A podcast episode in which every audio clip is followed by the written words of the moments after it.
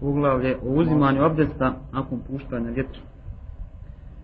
Ispričali su nam Kutejbe i Hennad, kažu, nama je ispričao Veki, on je prenio od Šubeja, on od Suhejla ibn Ebu Saliha, on od svog oca, on od Ebu Hureyre, da je Allahu poslanik, sallallahu alaihi wasallam, rekao, abdest treba obnoviti samo ako se čuje glas ili osjeti smrad ispuštena vjetra.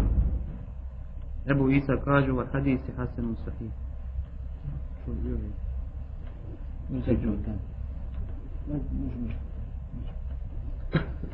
Ispričao nam je Kutejbe, kaže, nama ispričao Abdulaziz ibn Muhammed Brenijević od Suhejla ibn Ebu Saliha, on od svog oca, on od Ebu Hurere, da je Allahu poslanik sallallahu alaihi ve sellem rekao, kada se neki od vas nađe u džami, pa na stražnici osjeti vjetar, neka ne izlazi sve do otle dok ne čuje zvuk ili ne osjeti smrad.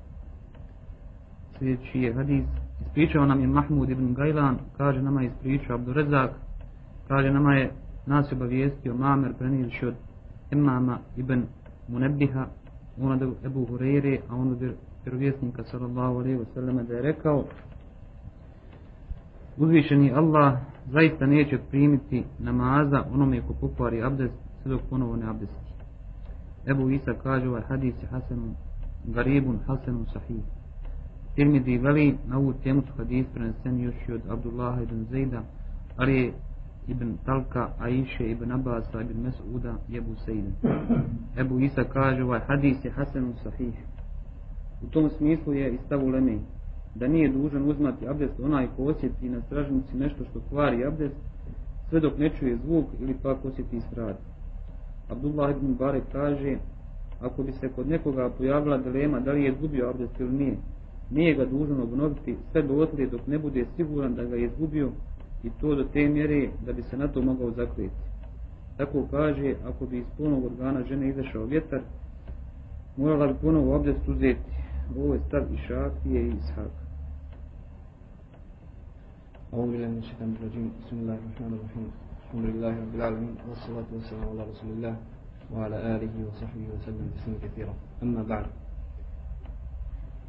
Ovo je jedan od lijepi načina slaganja i pisanja knjige od imami Tirmidija rahmetullahi alaih nakon što je opisao nama kakvoću i način abdesta Allahu poslanika Muhammeda sallallahu alaihi wa sallam i nakon što je spomenuo stvari koje su nečiste u pitanju čovjeka sada je otpočeo da piše poglavlja koje govore o tome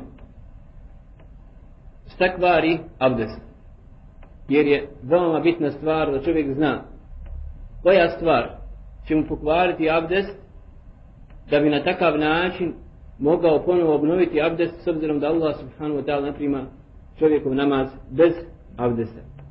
Tako da će ovih narednih osam poglavlja imam i tirmidi spomenuti sve po pitanju znači dijela i radnji koja kvare abdest. Mi ćemo inša Allah ta'ala ukratko kao napraviti uvod jedan općenito spomenuti većinu stvari koje nam znači padnu na pamet koji se budemo mogli sjetiti da kvare abdest prije nego što krenemo detaljno ovako poglavlje po poglavlje, jer neće imam i termini spomenuti sve stvari koje kvare abdest. Treba da znate, draga braćo, da je Allah, Allahu poslanik sallallahu alaihi wa sallam sveza određene radnje za dva otvora kod čovjeka i žene prilikom izlaska određenih stvari nečisti onaj, da biva pokvaren abdest. Nekada je svezana stvar kvarenja abdesta za recimo jedenje poput jedenje devinog mesa kao što će doći mesela problematika da li jedinje onaj devinog mesa kvari ili ne kvari abdest a nekada je opet svezana problematika kvarenja abdesta za nešto poput sna. Poput sna. Tako da, recimo, san kvari abdest sa detaljima kojima ćemo kasnije, inša Allah, ta'ala, govoriti. Neke stvari su islamski učenjaci pravili analogiju na osnovu recimo sna, pa su vidjeli da čovjek koji bi izgubio svijest ili bi poludio ili bi se napio, opio toliko da ne zna za sebe, pa su rekli da sve ove stvari kvari također abdest. Razumijete mi? Tako da kažemo općenito, imate tih par detalja koji čovjek mora imati na umu da bi na takav jedan način mogao znati i mogao se poznati s ovim detaljima koji će doći u pitanju kvarenja abdesta. Pa je imam i Tirmidhi spomenuo prvi od tih radnji ili dijela koja kvare abdest. A to je ispuštanje vjetra. Iz ovog, draga braćo, treba da vidimo i očimo jednu stvar. A to je da neke stvari mogu biti nečistoća. Nečistoća, a da ne kvari abdest. Kao što neke stvari mogu biti čistoća, pazite, a da izlaskom iz tijela kvari abdest, kao u ovom slučaju. Niko iđma ummeta od islamskih učenjaka nije rekao, niko od islamskih učenjaka nije rekao da čovjek prilikom ispuštanja vjetra, ukoliko ispusti vjetar da mora se očistiti i oprati nakon ispuštenog vjetra. Razumijete li? Što jasno upućuje da to nije nečist.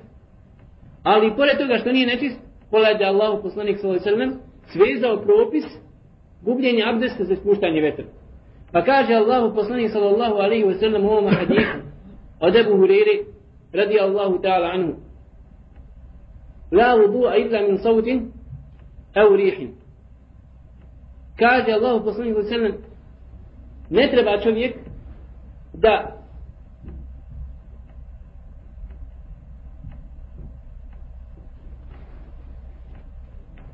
Ne treba čovjek da se smatra da je izgubio abdest kada je u pitanju izlazak vetra sve dok ne bude čuo zvuk ili dok ne bude osjetio smrad. Tako da je Allah poslanik sve svezao za ove dvije osobine. Svezao za ove dvije osobine jednu ili od ove dvije osobine svezao je propis gubljenja abdesta. Što znači, bilo kakva sumnja po pitanju ispuštanja vjetra, da čovjek u šeitan dođe u namazu ili izvan namaza, pa da pomisli da je ispustio vjetar, dok ne bude 100% ubijeđen da je jedna od ove dvije osobine zasigurno 100% kao što kaže Bulaj Mubarak da se smije zakljeti Allahom džel za še'nu paste onaj, da je izgubio abdest to je da je, izgubio, da je pustio vjetar tek tada draga braću može da smatra da je izgubio abdest. Na ovakav jedan način želi Allahu poslani sallallahu alaihi wa sallam da olakša ummetu. Jer šarijat je šarijat olakšiti jer zamislite da sada čovjek na osnovu sumnja po pitanju recimo izlaska vjetra ili puštanja mokreći nakon abdesta da gradi propis pa da sebe smatra da je izgubio abdest. Koliko bi puta morao da obnovi abdest i gdje bi onda nam bio kraj? Oto da ova vjera jeste vjera ubježenja da čovjek gradi određene propise na ubježenju pa ukoliko bi se desila i greška u ovom ubjeđenju, pazite ili onome što pravlada mišljenje neće biti pitan kod Allah subhanahu wa ta'ala. Kažu islamski učenjaci, pazite, da sjede dva čovjeka, sjede i pričaju i čuju zvuk da je neko ispustio vjetrovani dvojice. Ne znaju, svako od njih misli da nije on. Sigurno je pravladao mišljenje da nije on. Pazite, kažu islamski učenjaci, ako, sam, ako je čovjek siguran za sebe, a ovaj drugi isto siguran, jedan, jedan, jedan od njih jeste sigurno, izgubio abdest, Ali kao islamski učenjaci, i jedan i drugi će raditi po onome što im prevladava mišljenje, a to je pobjeđenje. Da su čisti, odnosno da imaju abdest, i klanjaće neće ni jedan ni drugi se abdestiti. Pa makar jedan sigurno jeste, pazite, izgubio abdest, ali ima opravdanje kod Allah subhanahu wa ta'ala zato što radi po onome što mu prevladava mišljenje. Samo kažu, ne smiju jedan za drugim klanjati. Da bude jedan drugome imam, jer jedan sigurno je šta? on ne jeste, nema abdesta, ali na ovakav jedan način, pogledajte, Islam rješava probleme sumnji, koja je veoma opasna u Islamu. I s druge strane, Allah te naredio, pazite, da obožavaš Allah prema ubježenju svome, što ti provladava mišljenje. Tako recimo da se nađu ljud, dvojica, ili grupa ljudi, pazite, negdje po noći, gdje nema orientira ne mogu se orijentisati gdje je kibla. I ja mislim da je na jednu stranu, ti misliš da je na drugu stranu. I jedan i drugi ste ubijeđeni. Niti ja te mogu ubijediti da misliš koji ja, niti ti mene možeš ubijediti da ja mislim ko ti. U tom slučaju, draga braće, nije dozvoljeno da ti klanjaš na moju stranu. Je li jasno? Niti dozvoljeno da ja klanjam na tvoju stranu, niti dozvoljeno da klanjam u džematu, nego će svako slijediti svoje ištihad, svoje viđenje, svoje mišljenje i svi imaju opravdanje kod Allaha subhanahu wa ta'ala. I na ovom ovakvom jednom onaj, shvatanju morate razumjeti i razilaženje islamskih učenjaka. Jer svako mišljenje koje je utemeljeno na razumijevanju Kur'ana ili sunneta Allahu poslanika sa sebe, koje ga je doveo njegov ištihad, njegovo svatanje Kur'ana i sunneta, jer on ne želi da slijedi strast svoju. Nikom od islamskih učenjaka nije bio cilj da slijedi svoj strast da kaže po svom nekakvom nahođenju. Jer svi imaju svi su vraćali Kur'anu i sunnetu, kao što vidimo. Samo što nekad vidimo ovaj hadis daif, šta? Pa ne može biti argument, je vam jasno? Ili vidimo neki drugi uzrok razilaženja. Što ga on shvatio zbog arapskog jezika ili zbog nečeg drugog, i na ovakav jedan način kaže, draga braćo, on i rješava se problem razilaženja među islamskom ummetom.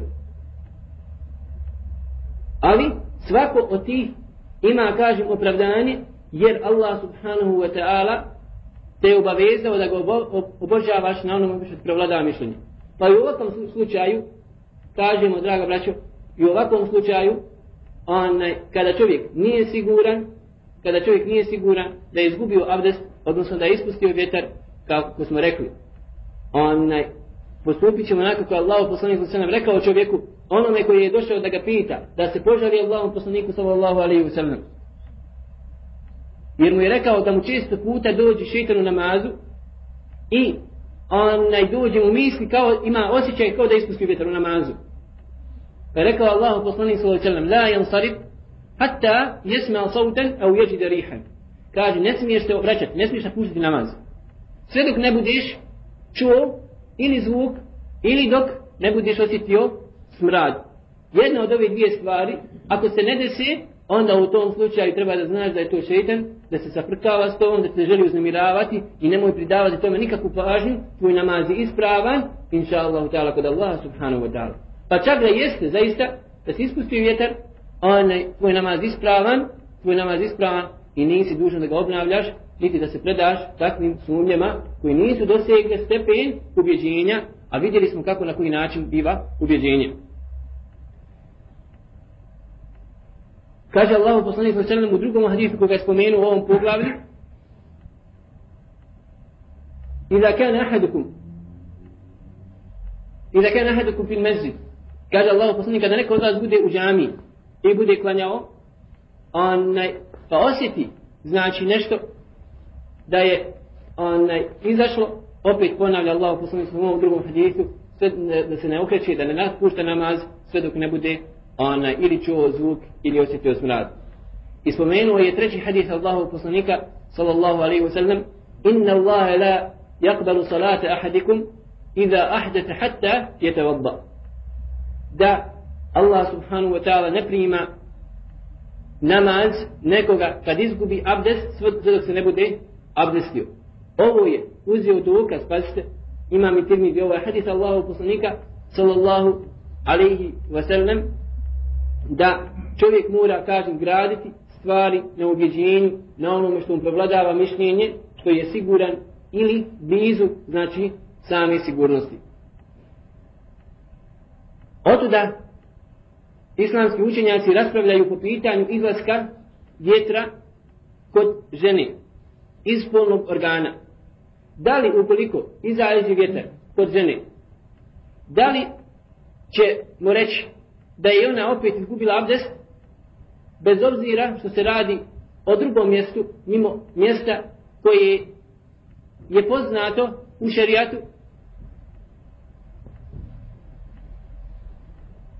Ili ćemo reći da to ne kvari abdest.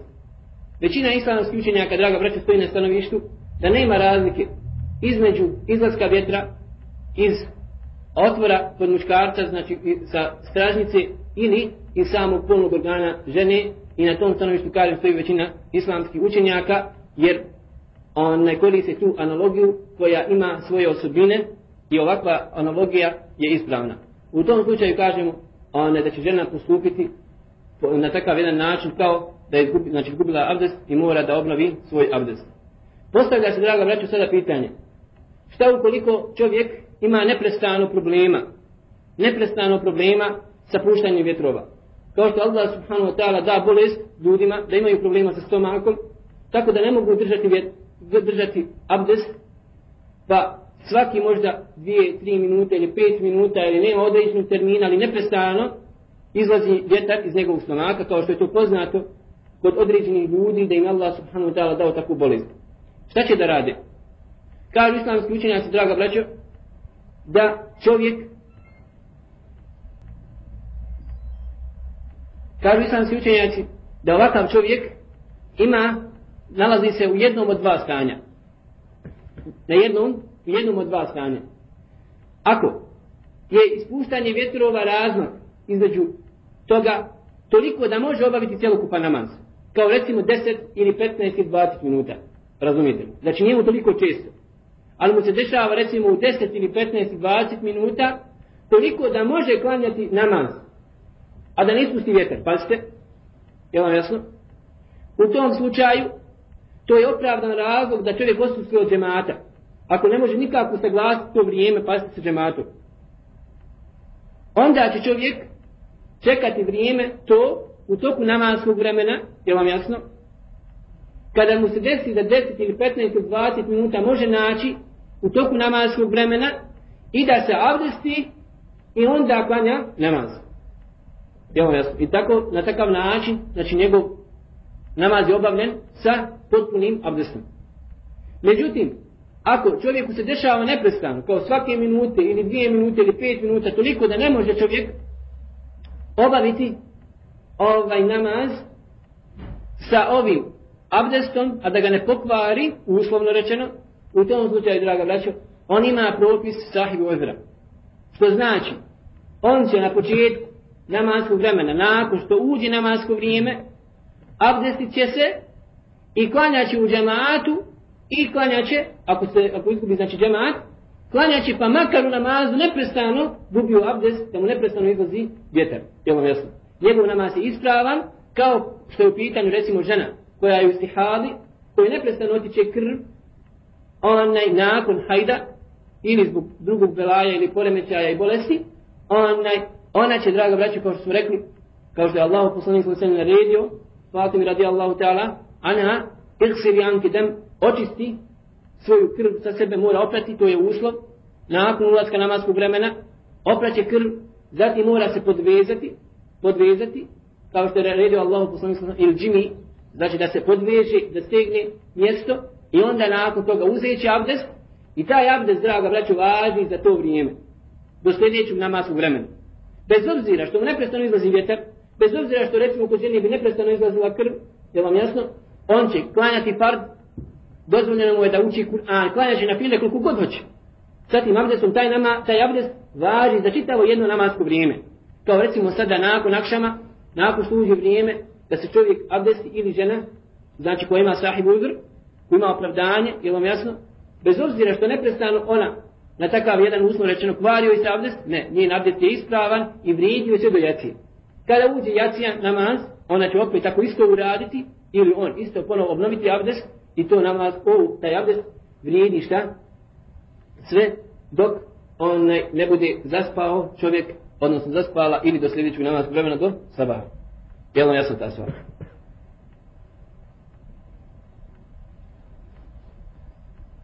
Sljedeći hadis. Pričali su nam Ismail ibn Musa al-Kufi, Hennad i Muhammed ibn Ubejd. Samo halal. Sada, bilo bi dobro da spomenemo, draga braća, još u pitanju onaj, određeni stvari po pitanju e, dva otvora kod čovjeka kod žene, koje kvari abdest. Nemojte da pomiješate stvar.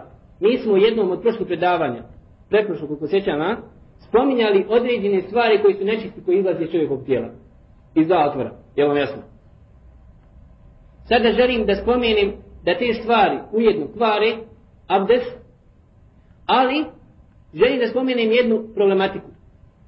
Draga braćo, a to je koja je veoma česta. Koja je veoma česta kod bolesnika. ukoliko bi šta, izašlo recimo iz otvora čovjekovog ili ženinog, iz jednog od dva otvora, recimo kamen, kao što se zna desiti onaj, kod ljudi koji su boli na bubreg, je tako, da izbaci kamen.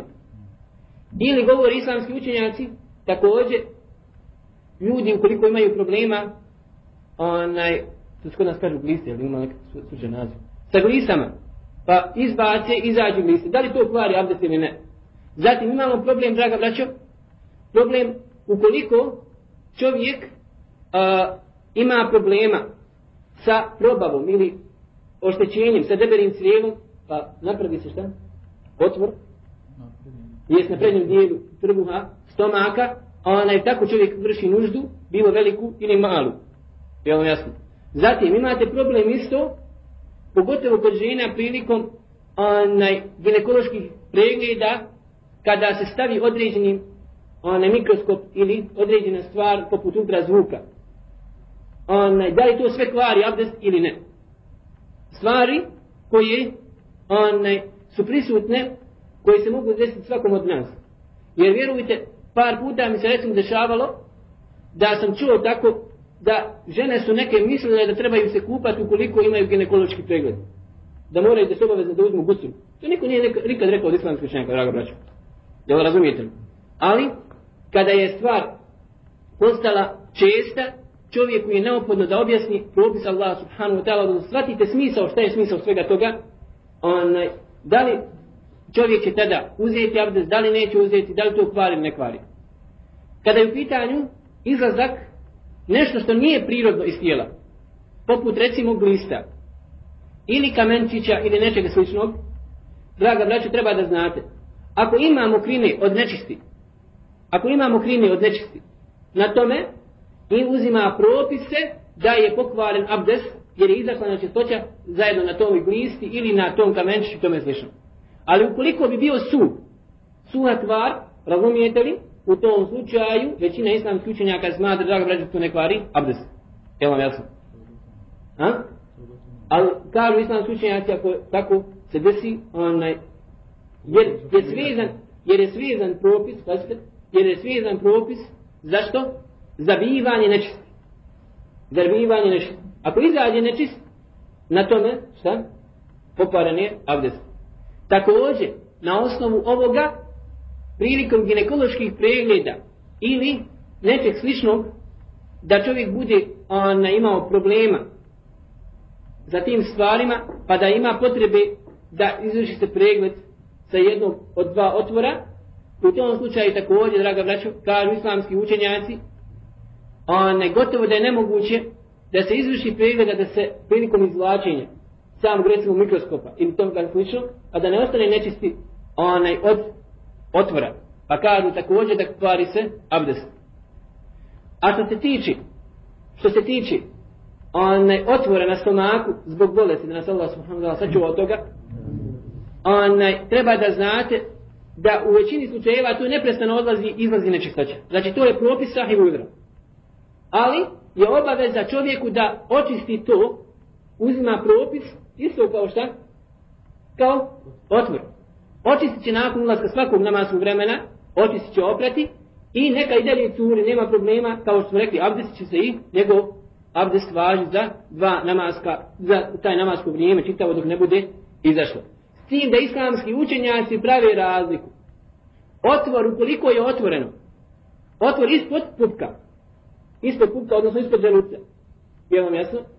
Kažu islamski učenjaci u tom slučaju, u tom slučaju, on uzima propis otvora. Ali, ukoliko je otvor više stomaka, više stomaka, tada se gleda na hranu koja je za sadržaj. Ukoliko sadržaj liči samom izmetu ili mokraći, uzima propis izmeta, šta? I mokraći i kvari abdest. A ukoliko je to čista hrana, izlazi na tako nešto, ako već tako može biti, je vam jasno, onda to samo ne kvari, šta? Ne kvari abdest.